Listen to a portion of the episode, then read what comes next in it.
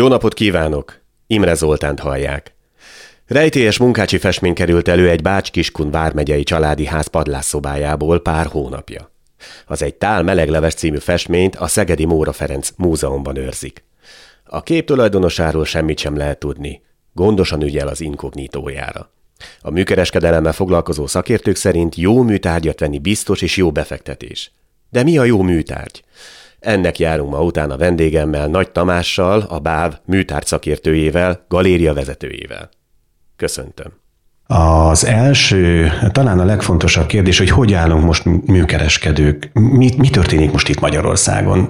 Fellángolásban van, vagy épp leszállóákban van ez a, ez a, mondjam úgy, hogy ennek már egy jó hagyományát a képviselő szokás az embereknek, vagy akár az aukciós házaknak?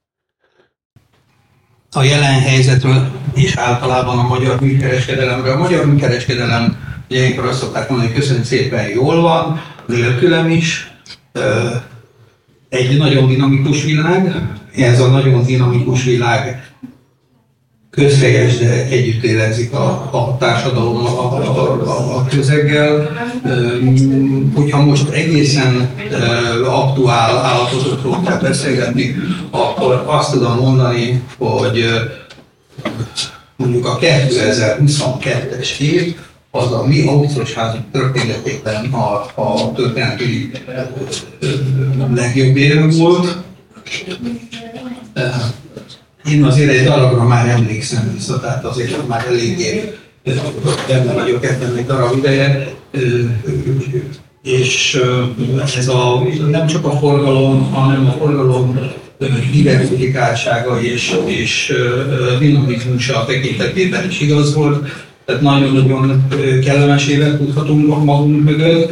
Ez, ezt nem csak pénzben kell látni, tehát hogy mondjam, minket körülvesz az a sztereotípus, nem túl szimpatikus kép, hogy ezek a ronda műkereskedők, biztos sokszor is adunk rá, de itt, itt egy olyan pesgő élet vesz minket körül kulturális értelemben is, ami, ami egy nagyobb jó érzést ad. Kétségtelenül, hát azért a, a világpolitika itt is beszüremlik, tehát azért itt az utóbbi hónapok eseményei, azok azért úgy egy picit azért hoztak egy kis ilyen visszafogottságot, ilyen levegőbe szorulást, de hát látjuk, hogy merre haladunk az események. Tehát nem mindenre. Ez tényleg az utóbbi. Hogyha így az eseményeket nézzük, ugye, és látjuk, hogy, hogy talán úgy látjuk, hogy egyre, egyre rosszabb, ugye talán az eszkalálódás felé sodródik Európa és a világ, ez, ez e, az ember ilyenkor, egy család ilyenkor inkább megőrzi a vagyonát, tehát hogy azt mondja, hogy én ezt most nem megyek el egy aukciós házba, vagy esetleg a gyűjtők azt mondják, hogy na most akkor itt ezt, ezt itt lezárom, erre nagyon vigyázok, vagy most kezdenek el igazán árulni ilyen esetben, hogy azért, hogy esetleg, ha el akarják hagyni az országot, uram, bocsá, vagy mit tudom én, valami másba fektessék, amibe, amibe talán jobb, nem tudom. Egyáltalán a műkincsekbe való befektetés most mennyire aktuális? Nagyon sokszor mondják saját marketingeseink is, hogy ne sokat mondjam, hogy befektetés, és milyen és ezt sosem mondom. Mindenki le tudja követni azt a gondolatmenetet, hogy egy befektetést gondozni kell. Tehát ez, hogyha abba pénzt tettünk, és az az elvárásunk, hogy az valamilyen, nem tudom, csak értékmegőrzéssel vagy hozammal elkísérje minket, akkor, akkor arra gondosan figyelni kell. Ráadásul nem engedhetjük meg magunknak azt a luxust, hogy, hogy érzelmileg kötődés alakuljon ki. És azért ez egy elég komoly csoda, mert ez elég hamar meg tud esni a, a műtárgyakkal, műkincsekkel kapcsolatban. Na most ugye az egy, hát az egy értelmezhetetlen megközelítés, hogyha azt mondjuk, hogy én, én mit tudom, én szeretem a Richtert. Szóval ez ugye, ez, ez, ez, ez mindenki mosolyog.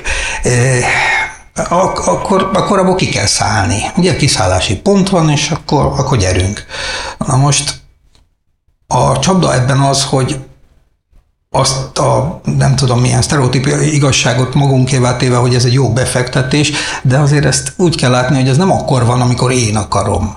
Tehát, hogy, hogy az, az nincsen, vagy az csak a mesében van, hogy nálam otthon lóg a falon, vagy, vagy nem tudom, élvezem valamilyen módon a, az esztétikai hasznait, örömöm van benne, nem tudom, hordom, vagy akármi, és amikor meg nekem éppen maximumot kell nyújtani a hozamának mert mit tudom én, valamilyen egyéb irányú célom megvalósításához szükségem van az ellenértékére, akkor azt ő teljesíti is. Hát ilyen nincs. Úgyhogy én, én mindenképpen arra sarkalok mindenkit, hogy először próbáljon valahogy kapcsolatot létrehozni az adott műtárgyal, és, és ha öröme van benne, megengedheti magának, akkor ez legyen az elsődleges. Másodlagosan, hogyha ennek van egy hozama, annak örülni kell, de mindig az hangzik el, hogy ez hosszú távú befektetés. Mi az a hosszú táv, ugye? A, a gazdaságban ugye rövid távnak mondanak olyan egy-két éveket, ugye? Középtávnak öt-öt, és akkor hosszú táv tíz év, igen. Tíz év sok idő a műkereskedelemben, és ráadásul hát én ahhoz a generációhoz tartozom, aki onnan jön, vagy abból a korszakból jön, ahol, ahol a, a, a, úgy általában az értékek műtárgyak, de akár ingatlannak is az értéke fiatalkoromban, ez egy lineáris pályán mozgott. Erre talán az idősebbek úgy emlékezhetnek. És aztán, aztán találkozni kellett azzal, hogy sok-sok-sok stabil érték megkérdőleződik, vagy esetleg elveszti az értékét, vagy csak időlegesen veszít az értékéből.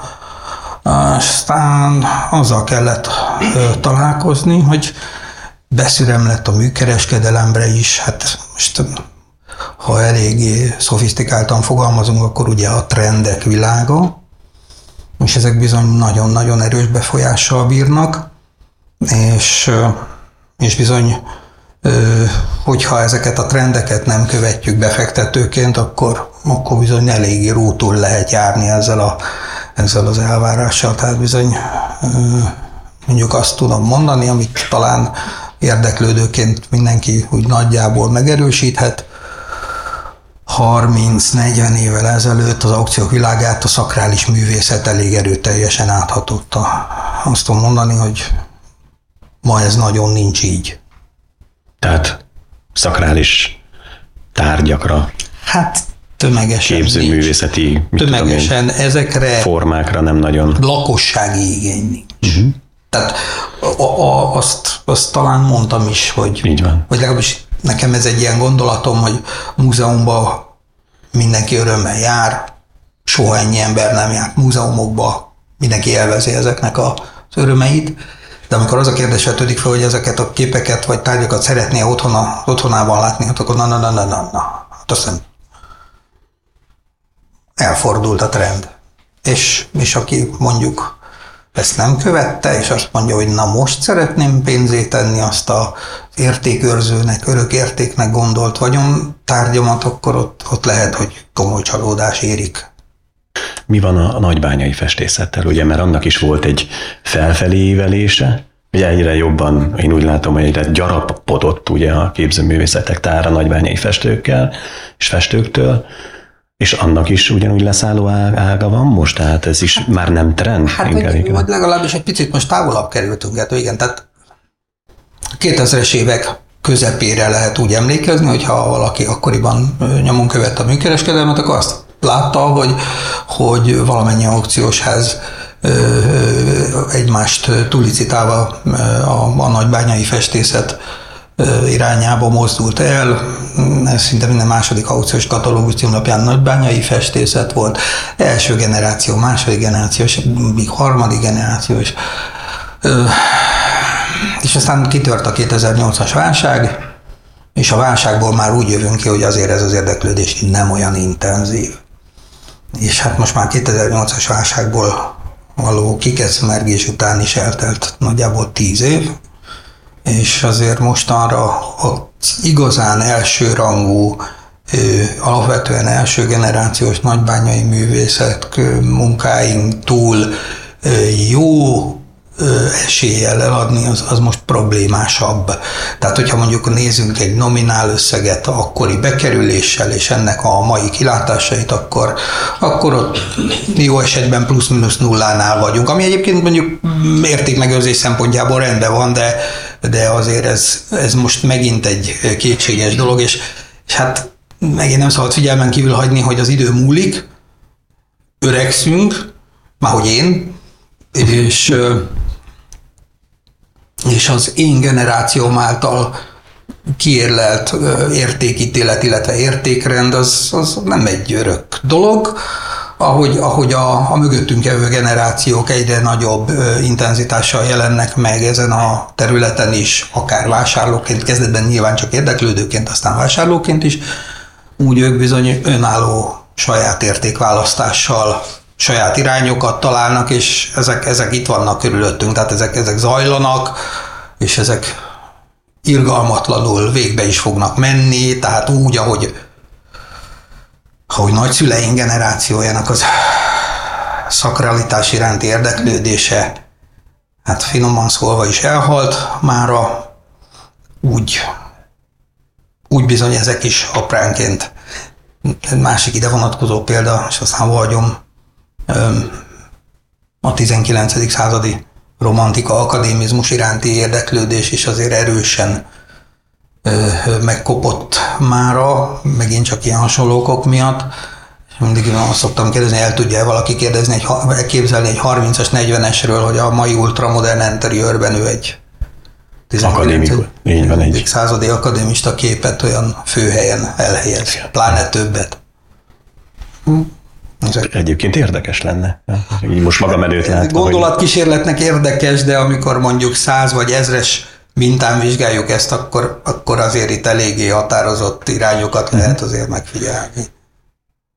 Mi van a, a mondjam úgy, az, ha az állam vásárol, ugye, tehát itt most halljuk, hogy próbál az állam visszavásárolni különböző műkincseket, műtárgyakat, hogy ez mennyire befolyásolja egy adott kultúrának, vagy egy adott periódusnak a, a szárnyalását, hogy újra elindítanak, mivel tudom én az állam megvásárol valamit, mondjuk római kori a evőeszközöket, ugye a szeudokincseket, vagy bármi más, és esetleg a római kori tudom, érméknek az értéke talán feljebb megy ezzel, vagy befolyásolja egyáltalán az ilyen jellegű nagy beruházás a kisebb műtárgyakat. Szerintem ezek átszüremkednek a piacra, tehát ez, ezek, ezek nagyban és kicsiben is kifejtik a hatásukat de ezek azért nagyon időleges hatások, tehát ezek időben korlátosak, de, de ezek érzékelhetők. Tehát ez, ez a mi... Akár egy munkát csinál, ugye? Tehát ez, ez a mi, mi hétköznapjainkra is hatással van. Tehát, hmm. tehát most nem is tudom, lehet, hogy mondtam, lehet, hogy nem mondtam a, a korábbi beszélgetésben.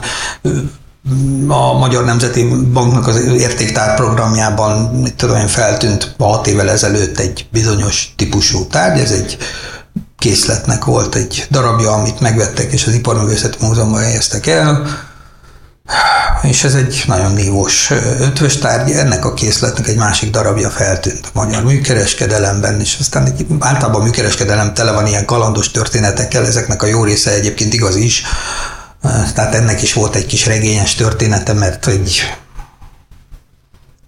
Inő Gabó, hogy nagyjából egy olyan 10 millió forintos összértékű tárgy volt, ez, ez hát ugye ilyenkor a, a, a suttogó propaganda a mi világunkban azért elég erősen jelen van, és nagyjából lehetett tudni, hogy nagyjából fél millió forintért mm, volt a piacon először.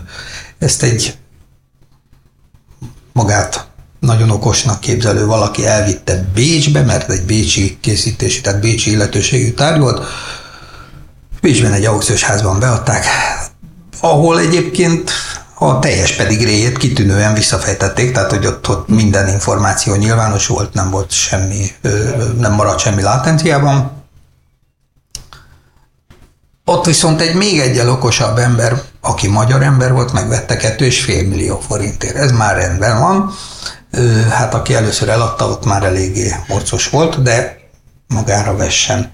És aztán ezt a tárgyat szintén a Magyar Nemzeti Bank értéktár programjának keretében egy szándéknyilatkozat született, hogy 9 millió forintért megvásárolja az állam, ez 22-ben, tehát 2016-ban volt mondjuk nagyjából az 6, és akkor ezt ennek egy erősen összevethető pár darabját, talán egy picit szerényebb, kvalit- szerényebb értékben, de kvalitásban ugyanaz, mert ugyanaz ötös volt, ö, 9-es ö, szándéknyilatkozat, és akkor kitört a tavaly nyáron az a, az a hirtelen energiaárrobbanás és minden egyéb, és akkor a Nemzeti Bank ettől visszalépett ettől az ügylettől, és így aztán a szabad piacon kereste a útját ez a tárgy, így került hozzám, és, és aztán nálunk egy komoly licit végén egy magángyűjtő vette meg, így nagyjából 11 millió forintért. Tehát, hogy ezek azért így hatással vannak, kicsiben és nagyban is, de ezeknek a hatása azért nem fog olyan nagyon-nagyon jelentős befolyással bírni, mert ezek egy pár éves jelenlétek. Igen. Igen. Én is meséltem neked akkor egy történetet, épp az előbb láttam így félszemmel így a sarokból, hogy hogy Konstantin Brankozinak a, a, a szobrait vetítette a tévé, és azért mondanám, hogy hogy ugye Brankozi vagy Brunkusnak mondják Romániában, Brankozinak a, a szobrai azok igen értékesek, tehát több millió dollárról van szó, darabjáról, Uh, és a, a Pompidou melletti Atelier Brankozi uh, ház, ami tulajdonképpen Brankozinak van felállítva, hogy ott az összes műtárgyát uh, egy helyen lehessen megtekinteni. Felajánlottak talán két műtárgyat, hogy, hogy a megvételre ugye a román állam felé, és hát olyan árat kértek érte, amiért, amiért azt mondták, hogy inkább kiadják ugye az embereknek gyűjtési akcióra, tehát mindenki hozzáadhatott, amennyit akart, amit tudom még meg bevásárlóközpontnál, és ki voltak plakát, hogy Brankozinak ezt a két szobrát akarja a román állam megvásárolni, gyűjtsünk rá, mert nem tudja megfizetni a román állam, aztán a végén nem lett belőle semmi, mert nem gyűlt össze annyi pénz. Még a román állam se tudta, tudta mondom, kivenni, kivásárolni, úgyhogy az ott is maradt Franciaországban.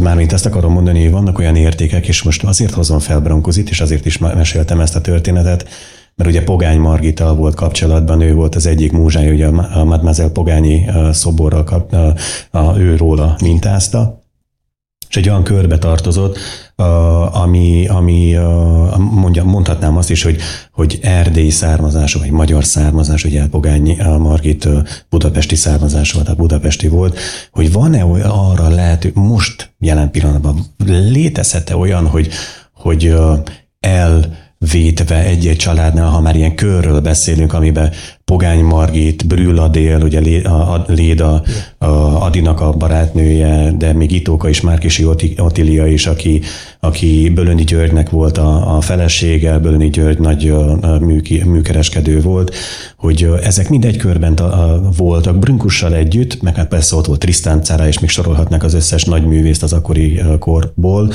hogy ez ebből a korból esetleg itt fellelhető legyen bármi, akár írás, vagy akár kisebb alkotások, vagy kis akvarellek. Létezik-e olyasmi, ugye most ezt azért mondom, mert egy Salvador Dali eh, kép jelent meg valahol, hogy, hogy találtak egy új Dalit, és abból itt Budapesten úgy tudom, hogy akartak is egy kiállítást, de talán meg is csinálták azt a kiállítást, aztán kiderült, hogy hamisítvány. Tehát, hogy amellett, hogy ugye felfedezünk új alkotásokat, az is kiderül, hogy hamisítvány, hogy hogy ezek, ebből a nagy körből, ebből a nagyon híres képzőművészekből, nemzetközi nevekről beszélek, fe, még lehet-e valahol úgymond fiókba, esetleg falon? Egyébként te mondtad, hogy Budapest egy olyan, vagy Magyarország, Budapest egy olyan hely, ami még sok mindent tartogat esetleg a Hát igen, ezt, ezt a külföldi barátaim szokták mondani, hogy hogy itt, itt azért jó, mert itt bármi meg tud történni másnapra viradóan, míg, míg mondjuk nem tudom, most Londonban, vagy, vagy németek, mindennek lehet tudni, hogy merre mozgott, merre van.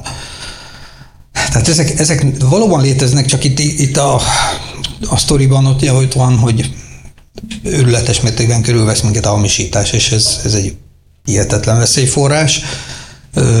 Hát mi is nagyon küzdünk ellene, tehát egy, ez, egy, ez egy állandó jelenség, hogy, hogy mi kerül elő, ez pedig, ez pedig tényleg mondhatom azt, hogy évről évre tudok elcsodálkozni azon.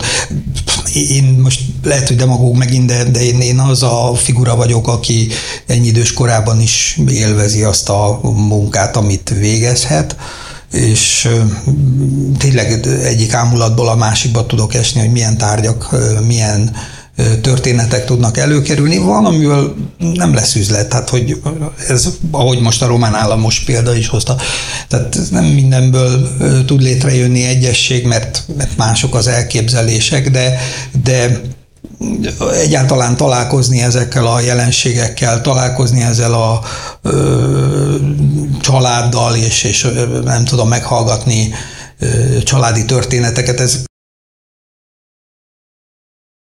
a mi világunk egy eléggé diszkrét világ, tehát az is elvárás, ugye, hogy itt nagyon kerüljenek nagyon nyilvánosságra ezek a, ezek a nevek és ezek a, a történetek. Amikor egy nyílt üzletét tud alakulni egy ilyen, akkor természetesen akkor itt minden kikerül az asztalra, és akkor, akkor persze ezek nagyon jól néznek ki. És az állam egy nagyon-nagyon fair gyakorlat szerint a szó szerint mondhatom, hogy a magyar kulturális örökség védelme szempontjából releváns darabokat védetté nyilvánítja, és amelyek pedig talán hát korábbról védettek, de kevésbé méltóak erre a védettségre, azokat gond nélkül felszabadítja, ezzel, ezzel tulajdonképpen indokolatlanul nem gátolja a műkereskedelem működését, de hát, hogy mi van még látenciában, ugye erről azért sokat Igen. nehéz tudni. Jó. A, a, mi a legmeglepőbb dolog, ami a, az üzletbe bekerült, vagy egyáltalán amivel megkeresték önöket? Ami azt mondtátok, hogy te jó Isten. Hát most ez egy régebbi történet.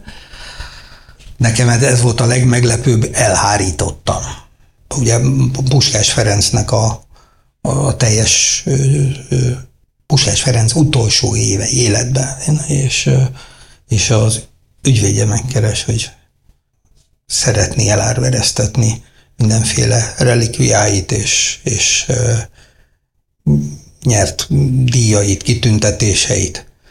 És, és én erre akkor azt mondom, ezt soha az életben senki, hogy nem nyilvánosan, hát a kollégáim tudják ezt, hogy volt-e Nyilvánosan soha nem mondtam el, hogy erre, erre, erre nem udvariasan. Nem, én udvariasan elhárítottam.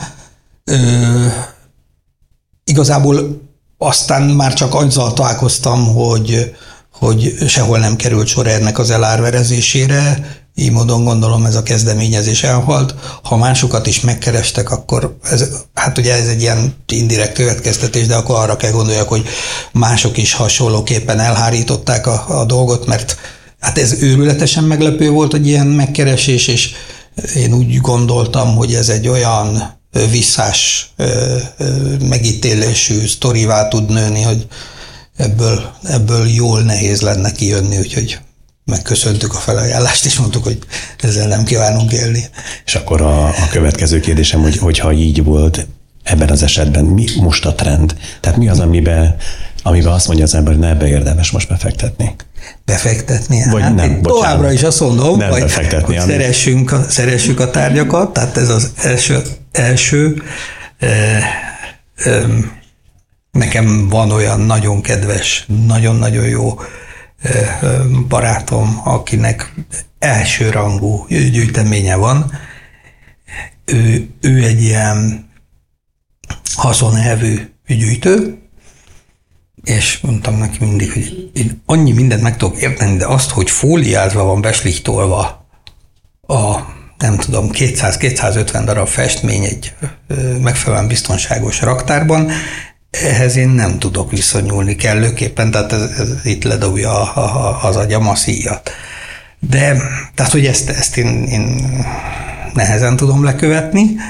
Én azt mondom, hogy mindenki, hogyha megteheti, akkor, akkor találja meg az örömét valamilyen olyan műfajban. Egyébként biztos, hogy mindenkit meg tud találni valamilyen műfaj a képző vagy iparművészetnek, amiben, amiben egyszer csak azt mondja, hogy áh, Na ezért. És hogy mibe érdemes. Hát itt megint ugyanarról beszélünk, hogy vigyázzunk ezzel, mert, mert hát annak örülni kell, hogyha a mi életünket ez kiszolgálja. Ma úgy tűnik, hogy mindenképpen a 20. század derekán, vagy azon már innen keressük ezeket a perspektívákat. Egyszerűen úgy látom, hogy hát erre van egy ilyen saját rögeszmém, amit most megosztok önökkel, és kérem nézzék el nekem, de, de én úgy látom, hogy a, egy, egy ilyen lelki rezonancia az valahogy olyan maximum 150 év időtávjáig tud kialakulni az emberekben, a, a, a, nem is tudom, a művészettel kapcsolatban, és, és aztán, aztán valahogy átkerül egy olyan emlékezeti polcra minden, ami, ami a régmúltá lesz, és, és már otthon nem. És, és, és ez a, ez a 20 150, nem tudom, körülbelül ennyi év az én megfigyelésem szerint ez úgy, úgy jön velünk. Tehát ahogy mi haladunk időben előre, ez a hullámhegy is valahogy így követ minket, néha lehet, hogy egy kicsit hosszabbra nyúlik, néha egy kicsit megrövidül, de, de valahol egyszer aztán ez így nagyjából csúcsára ér, és, és ezt a Gauss görbét valahogy így húzzuk magunk után, de ami a Gauss görbe túlsó oldalára kerül, azt én még nem láttam visszajönni. Mindig mondják a nálamnál is öregebbek, hogy mm, majd visszajön. Én erre meg mindig mondom, hogy mm, addig álljál fél lábon. Nem fogunk. Mi, mi a mi életünkben ez szerintem nem valós perspektíva. És hát most, hogy konkrét legyek. Én úgy látom, hogy ma, ma a mai mindenképpen egy ilyen furcsa dolog, de Magyarországon kell gondolkodni. Én úgy látom, hogy a magyar képzősipar művészet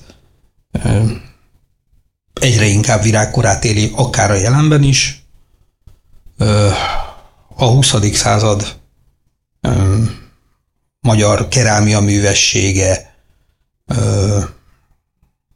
hát talán üvegművessége is, festészetet bőven-bőven bőven-bőven kínál erre, erre lehetőséget, és jaj, tényleg most egy, egy önpromót szabad? Lehet. Elnézést kérek, csak üvegművességről jut eszembe, hogy pont nem, holnap tart nálunk este 6-tól előadást dr. Sik Attila, ő egy, ő egy, hát egy orvos doktor, agykutató volt, aki aztán hát a művészetek iránti vonzalomból egy ilyen transzdisziplináris kutatóintézetet alapított Pécsen, és annak ő a főigazgatója, egyébként pedig mániás üveggyűjtő, és az Üveghegyen innen címmel van neki egy 700 darabos üveggyűjteménye, és Pécsről elhoz az üveggyűjteményből is valahány darabot, ezt majd ő megálmodja, hogy hányat. Holnap tartnálunk egy előadást, hogyha valakinek éppen van kedve, akkor az aukciós házban szeretettel látjuk itt a Szent István körúton, de szóval, hogy, hogy, hogy tényleg nagyon sok tárgyat lehet, nagyon sok műfajt meg lehet találni. Kétségtelen, hogy a, a, a történelmünk ből adódóan sok tekintetben a miénk nem kínál olyan gazdag ö, repertoárt, mint mondjuk ilyenkor mondják ugye azt, hogy a nálunk szerencsésebb történelmi országok, de azért ez, ez szó szerint nem igaz, bőven van, és ö, én azt látom, hogy a, a, akár a, a modern ötvösségben is kit, kitűnő művészek dolgoznak, de aki egy kicsit a régebbi iránt vonzódik, ott is most volt megint egy konkrét élménybeszámoló, a múlt héten volt a kárveréseink, és a, a hazai ötvösségnek különféle 19. század elejéről, első armadából, közepéről származó tárgyak, mondhatom azt, hogy csillagászati összegeket értek el. Mindezzel együtt, hogy ezek azért a befektetés nagyságrendjét nem mérik el. Tehát itt, itt azért olyan összegekről kell gondolkodni, és ezt mindenkinek azt javaslom, hogy egy picit értékelje át magába ezeket a, valahogy ezeket az összegek körül egy ilyen mitosz kering, hogy miféle ö, ö, vagyonokról lehet itt szó, és én ezt úgy se engedhetem meg magamnak. De itt erről szó nincsen. Ilyen 1000-2000 eurók. Na most, hogyha egy kicsit őszintében a tükörben nézünk, és mondjuk számot vetünk azzal, hogy mondjuk tavaly mennyire nyaraltunk, akkor, akkor lehet, hogy mondjuk kínálkoznak választási utak. Így van. Most mindenki döntse el. És hogyha a kortást is megemlítetted, ugye, hogy talán már följebb is csúszik ugye a, a, a periódus, amiben az emberek fektetnek, ugye, a, ha már műkereskedelemről van szó, akkor a kortárs művészet, mint festészet vagy szobrászat ba való befektetés is növekszik, tehát most már egyre többen akarnak modern szobrot, és nem gicset vásárolni, bocsánat, hogy ezt így kérdem, hanem valóban képzőművészektől vagy képzőművészek által mondjuk egyedi darabokat készített alkotásokat, megkeresve egyébként a képzőművészt is esetleg. Tehát... Hát én úgy látom, hogy talán ez is növekszik, de azért, azért sok az a piacon, sok a gics. Hát ez persze így van, de ez mindenütt így van, tehát hogy ez, ez, ez, ez szerintem az élet általános szórása szerint oszlik el nálunk is. Mindenki szeretne még nagyobb művésznek látszani, mindenki szeretne még nagyobb összeget kapni a tárgyáért. Azért a piacnak van egy ilyen szabályozó folyamata, tehát azért azért, azért ezzel lehet találkozni, hogy van egy ilyen versenyfutás, hirtelen óriási buborékok tudnak kialakulni, mindenki ismeri a, az ingatlan lufi fogalmát, hát itt a mi világunkban ezek egymás hegyén hátán vannak ezek a lufik, és ezek a lufik aztán úgy elkezdenek pukkanni, és, és akkor azért az úgy kijózanítólag tud hatni, amikor mondjuk mondjuk, mondjuk azt, hogy mondjuk a 20. század második felének mondjuk, tudom én, tényleg most akkor név nélkül, hogy nem, ne hozzak senkit kellemetlen helyzetbe, de tényleg nagyon ismert neveiről vágtatnak az árak egy-két-három évig, és egyszer csak valamiért jön egy ilyen kihozanodó, vagy kihozanító szédület, és, és az emberek azt mondják, hogy na most nézzük, hogy mi történik, és, és egy pillanatra megállnak az árak.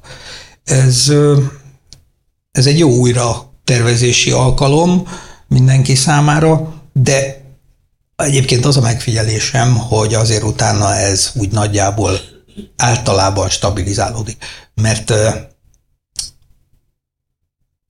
még az idősebb generáció is követi ezeket a trendeket. Tehát, hogy, hogy hiába ö, korábban ö, ott ülnek velünk árverésen több tíz éve állandó partnereink, akik 20 évvel ezelőtt mondjuk a 19. század művészetét vásárolták, ők is érzékelik, hogy ezek a ö, értékek egy kicsit átrendeződtek, és ma, ha a, egy 19. század, nyugodtan, itt a víz. Gyere! Egy 19. századi művész munkáját kínálják neki töredékáron, akkor sem veszi meg, és ma ő is szeretne igazodni a, a érvényben lévő trendekhez, és a szerint választ magának modern képzőművészetet. Egyébként szerintem nagyon tiszteletre méltó módon, ugyan nem tartja magát ahhoz a, nem tudom, ahhoz a, ahhoz a ilyen, ilyen nem, ilyen vaskalaposágot, hogy nekem ugyanaz a véleményem, én nem változom. Olyan is van, de az nagyon kevés. Mennyire vagytok benne a nemzetközi a kapcsolatokban, hogy esetleg ti ajánlatok egy magyar képzőművészt, akár egy kortársat, hogy nézzétek, ez nagyon jó, ebbe érdemes befektetni, és esetleg ajánljátok kifele, vagy esetleg egy olyan, mit tudom én, számunkra fontos a, így a magyar kultúrának fontos, tudom én, tárgyat, ami esetleg hazai piacon kevésbé lehet eladni, de akkor üzleti szempontból lehet külföldön jobban el lehet ez, értékesíteni lehet. Hát ebben nem nagyon vagyunk sikeresek. A, a másik fele az, hogy ez, ennek pont a fordítottját csináljuk. Tehát igazából igazából mindent hozunk haza. Nagyon jó. Uh-huh. tehát inkább hozunk haza. De, de ez, most nem szeretnék én itt egy ilyen misszionáris szerepbe helyezkedni, hogy én most egy, ennek, ennek, ennek a pénz a mozgatórugója, hozzá kell tennem. Egyszerűen a tárgyak jönnek haza maguktól is. Mi meg ebben segítünk nekik. Ö, egyszerűen, de ezt, de ezt hozzá kell tegyem, hogy ez, ez nem egy ilyen egyedi jelenség. Igen. Tehát a számos aukciós ház rajta van ezeken a vonalakon, külföldi kapcsolatokkal mindenki keresi a magyar vonatkozású tárgyakat külföldön, és, és amúgy az teljesen rendben van, hogy ezek a tárgyak hazafele igyekeznek, és a saját hazájukban adják értük a legtöbb pénzt. Tehát, hogy ez, ez teljesen rendben van. Említetted a, a szlovák a példát is, mikor egy pár percet beszélgettünk. Igen. Az is egy nagyon érdekes, hogy mennyire érzik ők maguknak, mondjuk például a szlovákok a, azt a műtárgyat, ami esetleg abban az időben készült, amikor hát, Magyarország térképe nem ilyen volt. Hát ez egy Hát ez egy, egy, egy nagyon kényes kérdés, mert a jelenség az az, hogy minden olyan hát főképpen 19. században élt és alkotott művészek munkáit keresik, akik, akik hát minden ízükben magyarok tulajdonképpen. Tehát akkor Magyarországon születtek, akkor Magyarországon érték le az életüket, ott alkottak. Ezek ma szlovák címek, és hát így módon ők most ezt szintúgy magukénak érzik, és ennek egy óriási hullámhegye volt. Talán mostanra egy picikét mérséklődött, de pár évvel ezelőtt ez egy hihetetlen vágtatást eredményezett a piacon ezeknek a festőknek, de, de azt is tudom mondani, hogy mindenféle iparművészetnek, ami talán elsősorban ötvösséget érintette, őrletes árai keletkeztek, és vitték, vitték vissza Szlovákia felé. Hát ugye itt összeakadt az, hogy enyém, tiéd, miénk, ez most hol van, de Egyébként én úgy érzem, hogy pont ez történik Romániában is, tehát ha már úgy nézik a, ezt a Közép-Európát, tehát hogyha nagybányaiakról beszélünk, azért ők is ugyanúgy vásárolják a nagybányait, mert azt mondják, hogy ez hát bájá már. Ez ugyanaz, ugyanaz, ez ugyanaz a jelenség. Hát, hát most nem is olyan régen, mit tudom én, egy nagyon szép szebeni tárgyat, és akkor az, az szebeni, vár. pontosan, hát az, pontosan. Na most a szeben az azért különösen nem jó példa, mert ugye magyar is, de magyar, de hát ott neki német volt. Német, tehát ott százok laktak. Úgyhogy, de, de ettől még még, ettől még a politikai lesz. térkép szerint rendeződik el a dolog, és, így, és ez most Románia. Így van, így van. Uh, és hogyha ilyen nagy gyűjtésekről vagy gyűjtőkről van szó, mint a, ha már Szebent megemlítettük, ott volt a, a, a, a mindegy, nem jut az eszembe, lapszaszom van egy most. A, a központi múzeumok pont egy nagy műgyűjtőnek a, a gyűjteményéből lett múzeum, a, ahol egyébként most mondjam ugye a Peles kastélyban is ugye Gustav Klimtől kezdve mindenféle fajta műtárgyak vannak, mert ott is azért elég nagy neveket húztak be. Akár mondhatnám azt is, hogy itt ebbe a, a múzeum, nem tudom, valaki tudja, hogy melyik múzeumról beszélek? Szebenről van szó. Mindjárt eszembe. A Bruckenthal pontosan. A Bruckenthal múzeumról, a Bruckenthal családnak a, a gyűjteménye. Ezt most csak azért mondom, mert ott, ott is ilyen hatalmas nagy nevek, mint például, mit tudom én, Michelangelo-nak a rajzai, vagy, vagy épp a Raffaeliták, vagy a Raffaellónak a, a, a munkássága is megtalálható, és persze ez már a román államélet, a, szembenről van szó, a, hogy, hogy a, a a magyarországi a nagy múzeumok és kastélyokban talált és nagy családoknak, grófi és arisztokrata családoknak a műtárgyai, műkincsei, azok, azok úgy most már a múzeumokban vannak, vagy még mindig így ilyen kisebb a helyeken látható, esetleg családon belül még mindig a falaikon vannak. Most itt egy... Hát ez megint nagyon nehéz. De szerintem a jó része nyugvó ponton van, és én úgy gondolom, hogy ezek javarészt közgyűjteményekben vannak, de de, de, de, ez mind, mindig kerülnek elő, mindig kerülnek elő ö, olyan, olyan tárgyak, amiket mi magunk is olykor azt keressük, hogy vajon ezek miért nem védettek, akkor utána jön, és tényleg, mond előbb mondtam, teljesen fair gyakorlat szerint az állam védelem alá helyezi ezeket, és akkor van úgy, hogy ráadásul meg is vásárolja, tehát tulajdonképpen most volt rá pénz is, vagy van is rá pénz, hát talán most ez nem igaz itt az utóbbi egy-két évben, de korábban erre volt is pénz is, szándék is, tehát ez egy nagyon fair módon gyarapították ezeket a közgyűjteményeket. Nálunk is számos vásárlást tettek, és ezek egy sem, egyike sem volt méltatlan, vagy, vagy érthetetlen, de az, hogy egy számottevő képek vagy, vagy kincsek lennének közkézen a lakosságnál, igen, vannak. Tehát, hogy vannak. Azt kell, hogy mondjam, hogy őrületes kvalitású gyűjtemények vannak. Tehát most azt tudom mondani, hogy